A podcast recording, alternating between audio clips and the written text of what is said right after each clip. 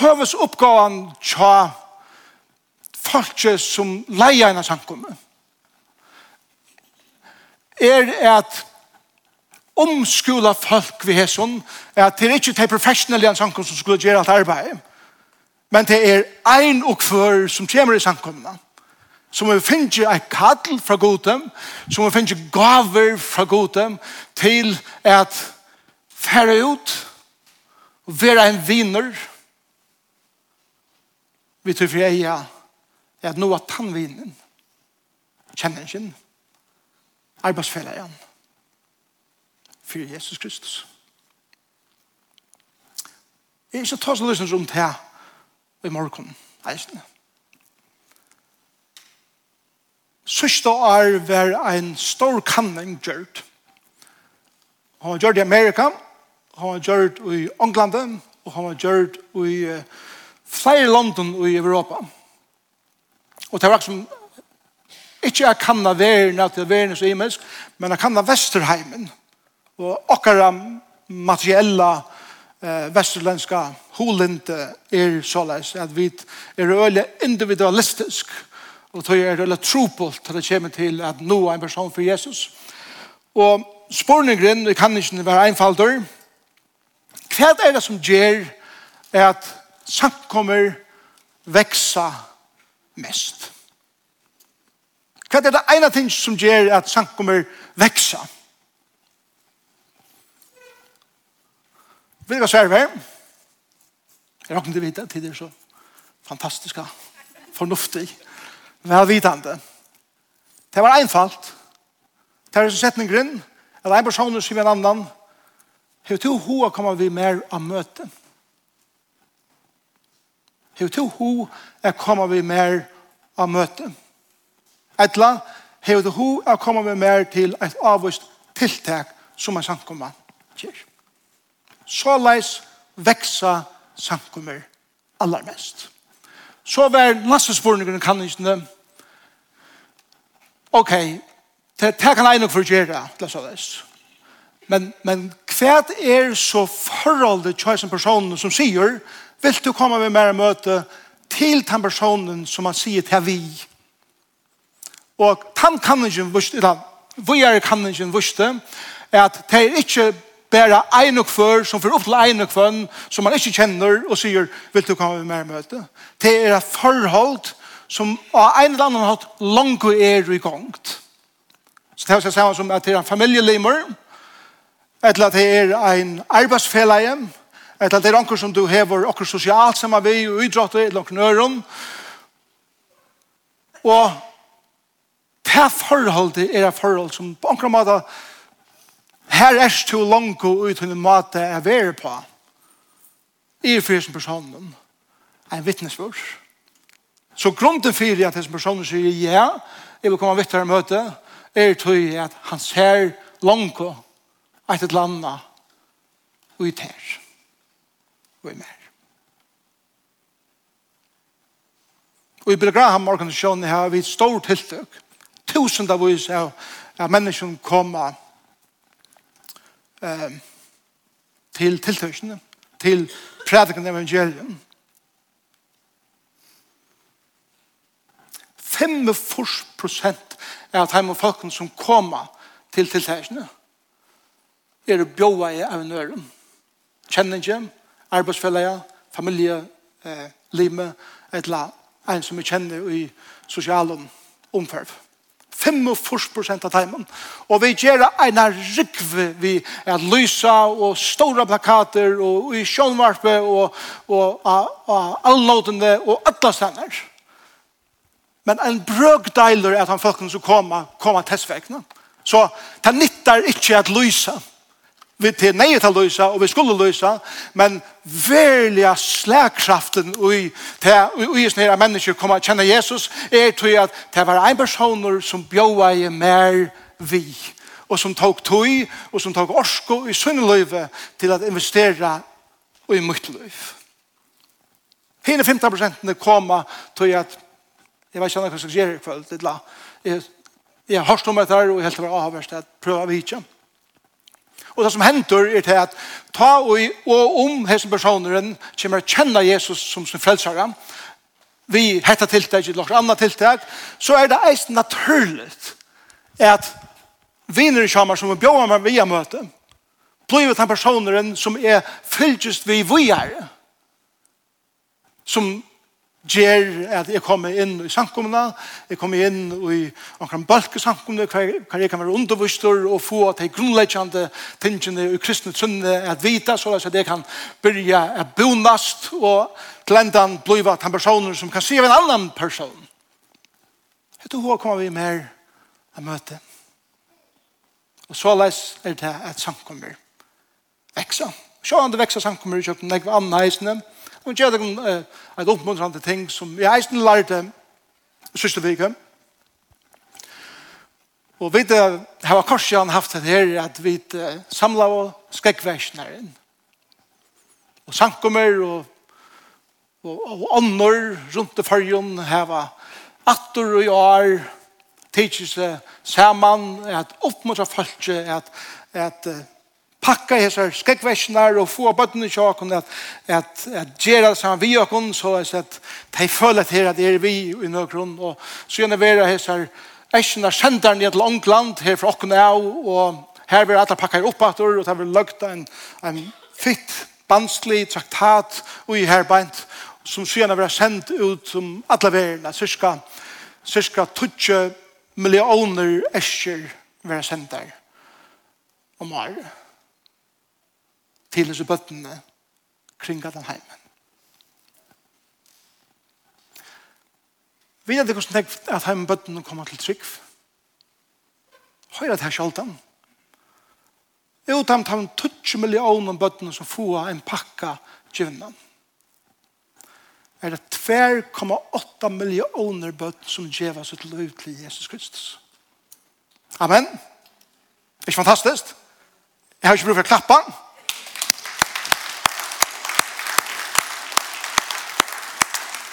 tøyen patje gjør mån. Det gjør mån at gjør slik ting som at det her.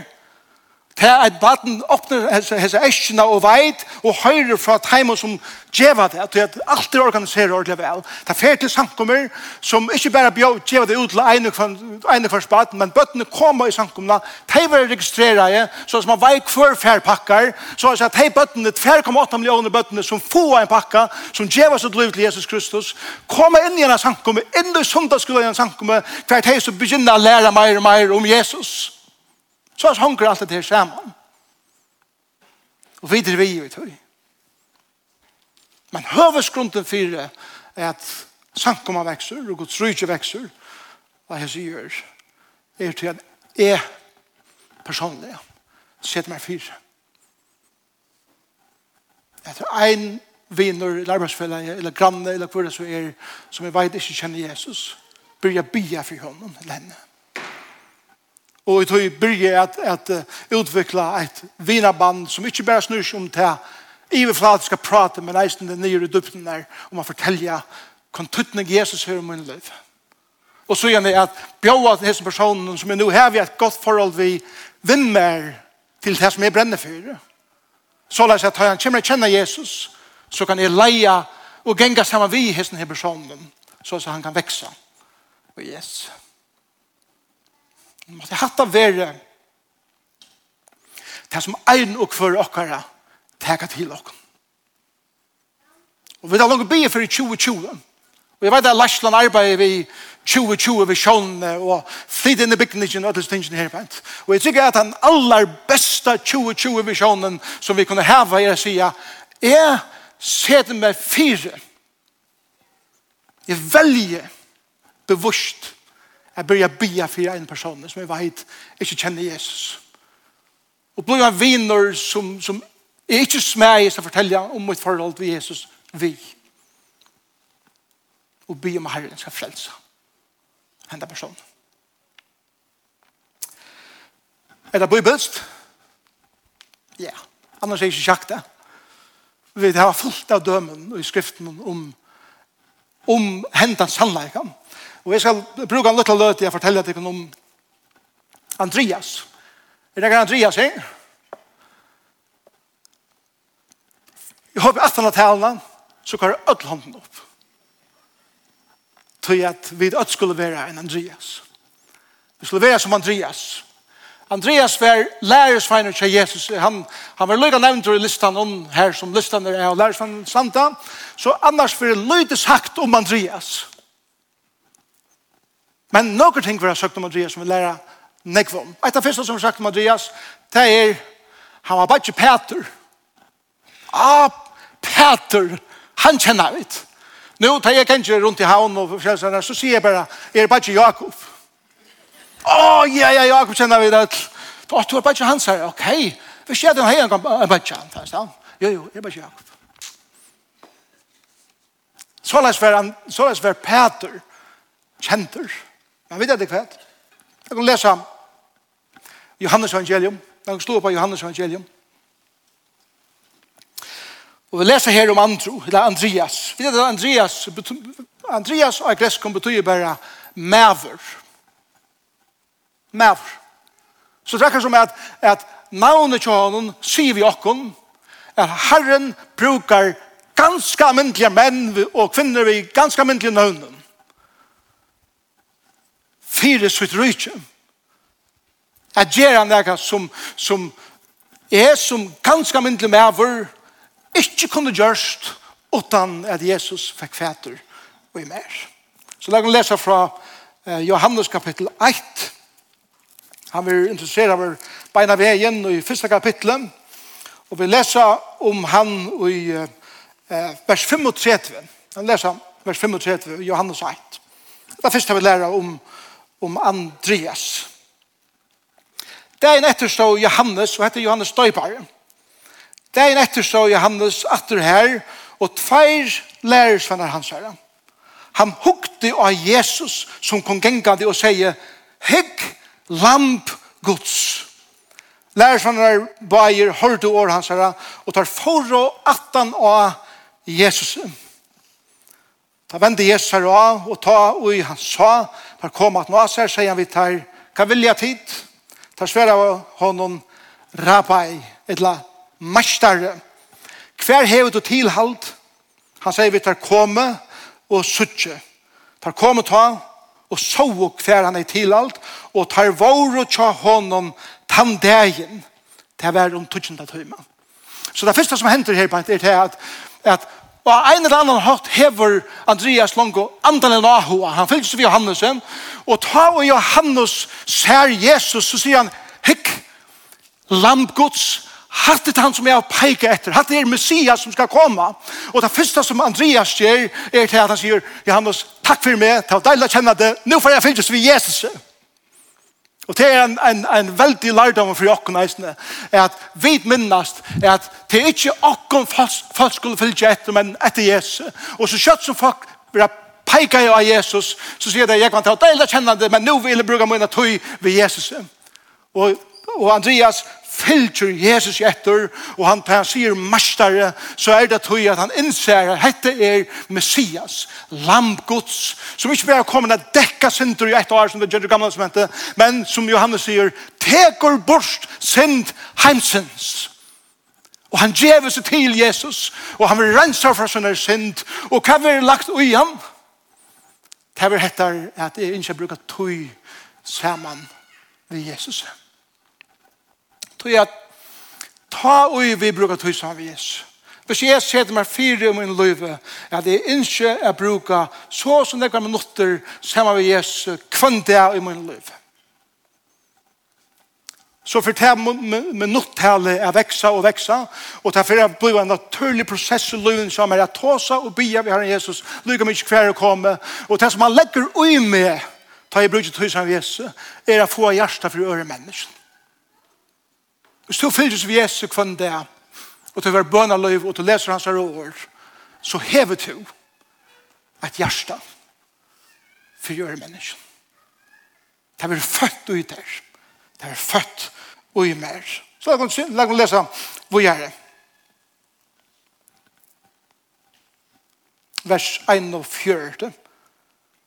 Andar at heim og avon, og jeg hørte det her som Johannes sier, og for at han har Jesus, vær og her kommer navnet, Andreas, bror Søren Peters. Han hitte først bror sin, Simon, og sier vi han, vi har funnet Messias, det er utlagt Kristus, og han får til Jesus vi honom. Jesus hukte på han og sier, du er Simon, sånn er Johannes, du skal eita Kefas. Her byrja jeg forholdet med Peter, og og Jesus. Men hvor var det som tog Peter til Jesus? Andreas. Hugset det kun alt det som, som Peter kjørte, og som han opplevde ved Jesus. Hugset det kun at han er med at han for Marskos evangelium, til Marskos var lærer for en Peter. ta i Peter, nei, uh, Jo, Markus var lærer som ikke Peter. Og ta i Markus, skriva i Markus evangelium, set han ved Peter som fortalte honom om alt sitt løs han Jesu. Og hugsa ta til avirska Markus evangelium hefur haft og bara alla vegirni til. Hugsa kun brøvene som Paulus skriva i, nei, som Peter skriva i, Anna og fyrsta brevsut som hevur eina fantastisk avirskan av allan heimen i det. Hugsa öll hei menneskene som jökna vittnesmurna Peter er kommet til tryggva Jesus Kristus. Men det var Andreas som tog, som tog Peter til Jesus. Jesus Huxa deg om den personen som du får høve til at leie til Jesus. Og som jeg får høve til at leie til Jesus. Og det kan være at vi omgang du kommer her og noen store temaste eller gjøre veldig store ting for Jesus. Men jeg møtte en person. Den personen ble et veldig anpå og Jesus er navn. Så jeg tror bjør i henne. To bjør i henne. To bær fyrir henne. To bær fyrir henne.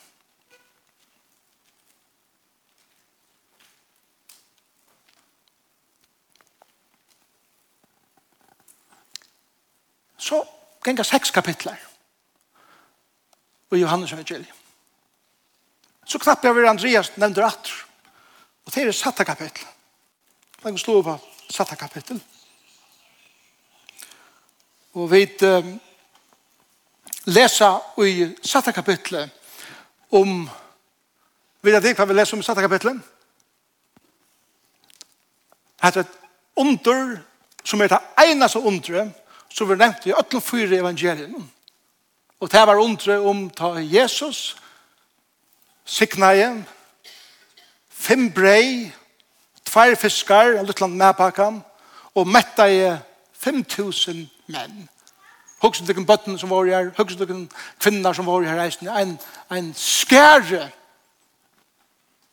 av mennesken. Og så leser vi i vers 8, hes i årene.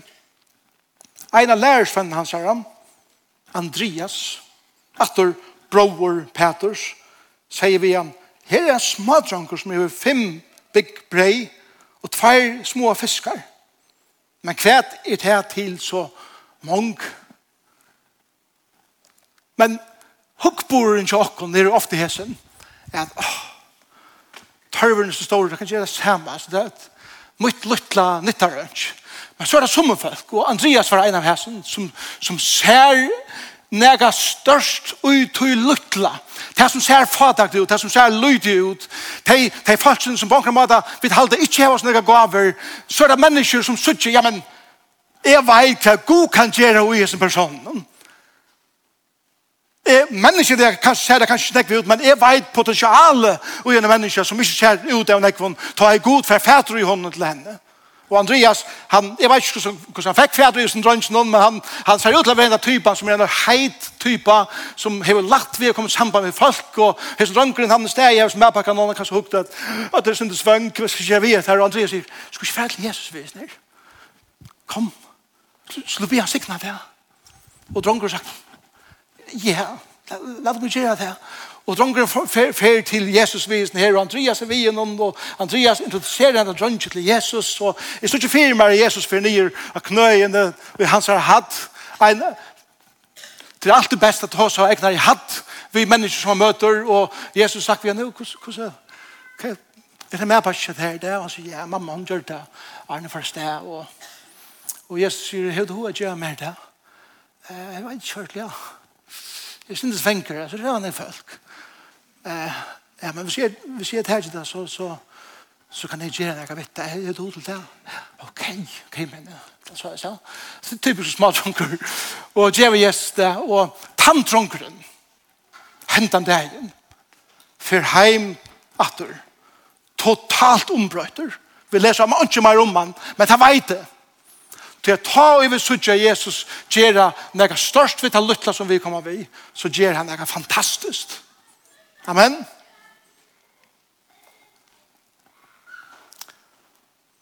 Tid sundagsskolan her Tid er et særlig folk som sutja størst i bøttenen som sutja nega fantastiskt i hesson at Tei luttlo hava så nekva djeva.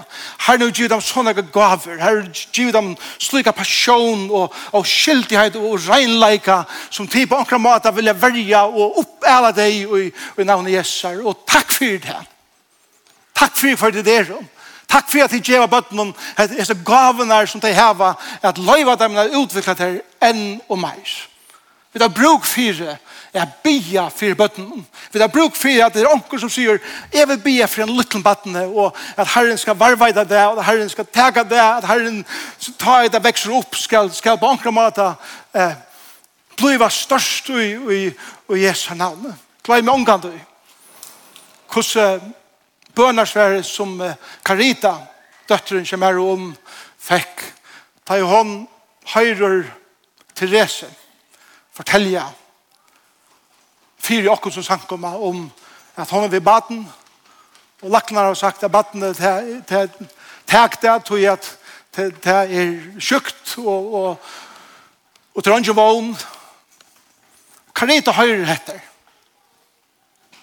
og hun kommer hjem til min og ånd og hun sier jeg har hørt Therese fortelle fra hvordan hvordan hun har valgt å lykke opp i halvdelen av baden lykke mye kvæt. og Så sier vi med om at jeg vil kvars kvall til jeg meg sove bia for Therese og bia for batten som er i bjørsen av henne.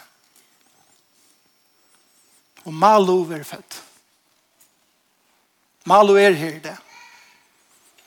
Gentan pura frusk. En genta som jeg vet Karita, Karita byr enn fyre at hun skal bli en kvinna som fylles ved Jesus. Så gjør det, det gjør nekka vi er baden, ta og i hette lytta baden som kanskje heldet det ikke kan så nekk, særa Jesus og sværa hun er bøn, og det er ikke regn om det halde av av fylgjus vi Jesus, og jeg tryggve, sjalt om, jeg vet ikke videre det, men himmelen skal åpenbære deg enn det, hersen dronker vi med pakkanen, er i himmelen, Og til avvarskan hentan søvan man smadrong hever haft og allan heimen er Vi kan skjedd åra ta en gång. Kvui? Tog at Andreas setter seg fire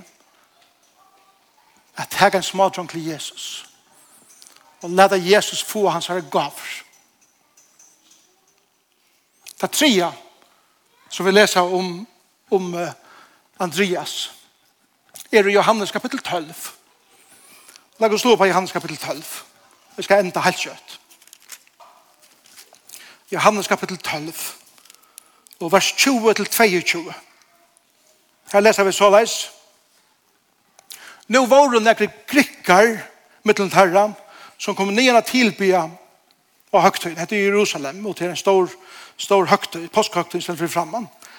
Her kom til Filip som var ur Bethsaida ur Galilea og bo han her vil du vi hadde fekner vilja se Jesus, altså vis mer Jesus.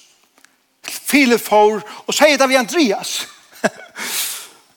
og Andreas og Filip for, og søtte til vi Jesus. Vi gjør når om file Petrus av grikkene, og han vet kanskje ikke hva han skal si, og han sier, Andreas, gå, kom til å hjelpe meg til at to do, så var vi, vi følte, og Andreas kommer her, og sier, ja, ikke problem, kom, kom, Takk at jeg til Jesus, og han fer til Jesus vidt ham. Så sier litt, Andreas, hei et hjertam, som var et av medelig størst hjertam, fire sønne nærmeste, og ofte er det troplast at nå akkurat nærmeste. Men han gjør det ikke her.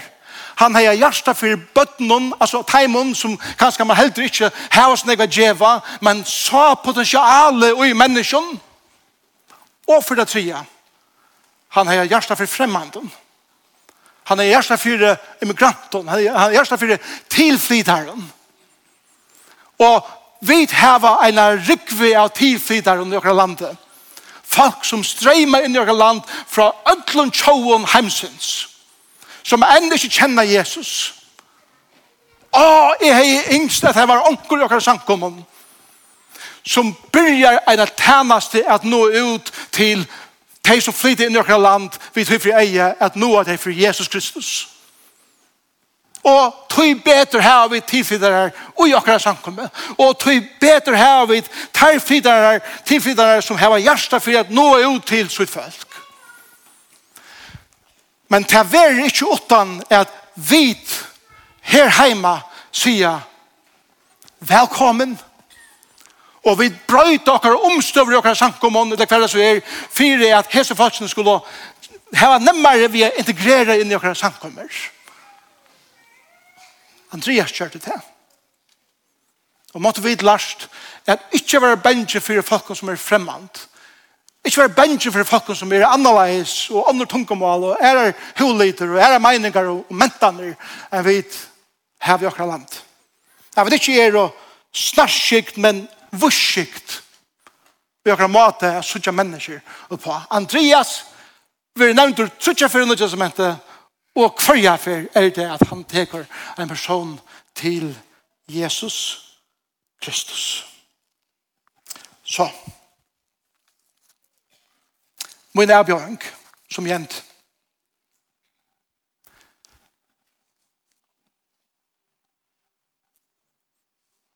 Om det kan få det er for jeg vil ha størst tiltak her løyt. Og som Absalon sier, ja, her er en konsert, men til mer enn det. Hvordan vekser han samkommer? Hun vekser ved å si, hva du har kommet vi, mer.